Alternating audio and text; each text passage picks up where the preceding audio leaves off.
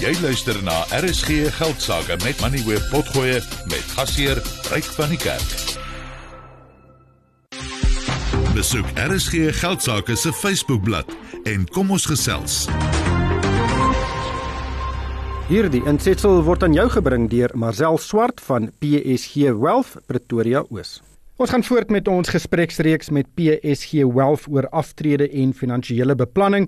Marcel Swart sluit nou by my aan. Sy is 'n welvaartbestuurder by PSG Wealth Pretoria Oos. Marcel, baie welkom by die program. Ek wil gesels oor die rol wat welvaartbestuurders speel om mense te help om die beste moontlike beleggingsuitkomste te verseker. Nou daar is 'n magdom inligting op die internet beskikbaar en mense kry eintlik baie maklik toegang tot baie goeie data en beleggingsinligting. Daar's ook verskeie kunsmatige intelligensie platforms wat mense kan gebruik. Is dit 'n uitdaging vir raadgewers? Ja, dankie Ryk. Ek dink tog daar is die persepsie dat dit baie maklik is om net jou eie beleggings te bestuur. Ons sien dit nogals veral onder jong mense ervaar ons dit. Wat nie noodwendig 'n slegte ding is nie. Ek dink vir iemand wat die mark betree, is die aanlyn opsie altyd 'n bietjie goedkoper. So dit is 'n goeie plek om te begin. Maar ja, tog dink ek ook net jy weet tegnologie gaan baie moeilik die emosionele kant van beleggings en finansiële beplanning vervang. En is juist nogals op daardie gebied waar die meeste uitdagings is as dit kom by beleggingsbesluitneming is om te kan onderskei, jy weet, op watter emosies moet jy gaan en watter nie. So die tegnologie gaan moeilik daai aspek van emosies kan vervang. Ja, dis 'n uh, menslike karaktereienskap. Die oomblik as markte byvoorbeeld val, dan raak mens emosioneel en as jy emosioneel is, neem mens dom besluite. Maar is dit die sleutelrede vir hoekom iemand die dienste van 'n raadgewer moet gebruik? Nee, ek dink daar's verskillende aspekte. Morningstar het 'n opname gedoen of 'n gedragsanalise en hulle het gekyk na wat die algemene redes is waarom mense adviseer het. Nou uit die analise het dit vir 37% van die persone gegaan oor gemoedsrus. So meer mense is eintlik ongemaklik om dit self te doen en ek dink as jy net dink oor wanneer jy regsadvies of mediese hulp nodig het, dan raadpleeg jy 'n spesialis op daardie gebied. En is eintlik maar dieselfde beginsel as dit kom by beleggings en beplanning om 'n professionele persoon te betrek. Dan het 22% van die persone 'n adviseur gekies as gevolg van goeie advies en raad op 'n holistiese vlak. So ek dink die wêreld van beleggings kan baie kompleks raak as jy verskillende produkte, belasting, boedel implikasies en saam dit ook nou nog die markte in ag neem. So daarom is dit goed om met iemand te kan klankbord en ja, ek dink daar's immers waarheid in daai raad wat sê twee vaar beter as een. Ja, absoluut want Finansiële raadgewers doen baie meer as net om geld te belê. Daar's ook baie ander dienste wat gelewer word ook grootliks. Soos jy nou gesê het, boedelbeplanning is kritiek. Mense wil ook nie te veel belasting betaal nie en daai strukturering is belangrik. Maar hoe belangrik is opbrengste? Want ek dink baie mense kyk na die dienste wat finansiële raadgewers lewer en sê, "Luister, ek wil die beste moontlike opbrengs hê jaar op jaar."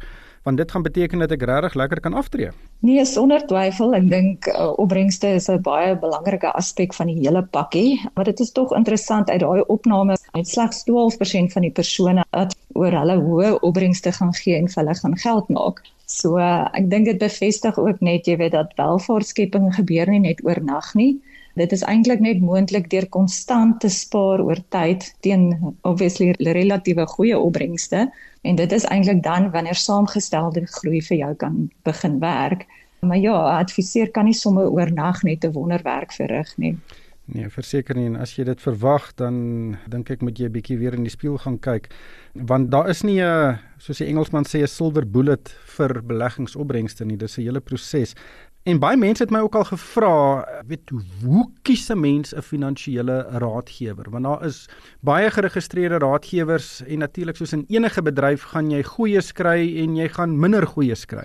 So, hoe kies 'n mens die beste moontlike raadgewer? Mens met baie goeie onderskeiding of seker goeie intuïsie ook 'n bietjie hê, maar ek dink vir my partykeer moet mens bietjie kyk na gevaartekens of jy weet sekere goed wat vir jou uitstaan wat jou ongemaklik maak.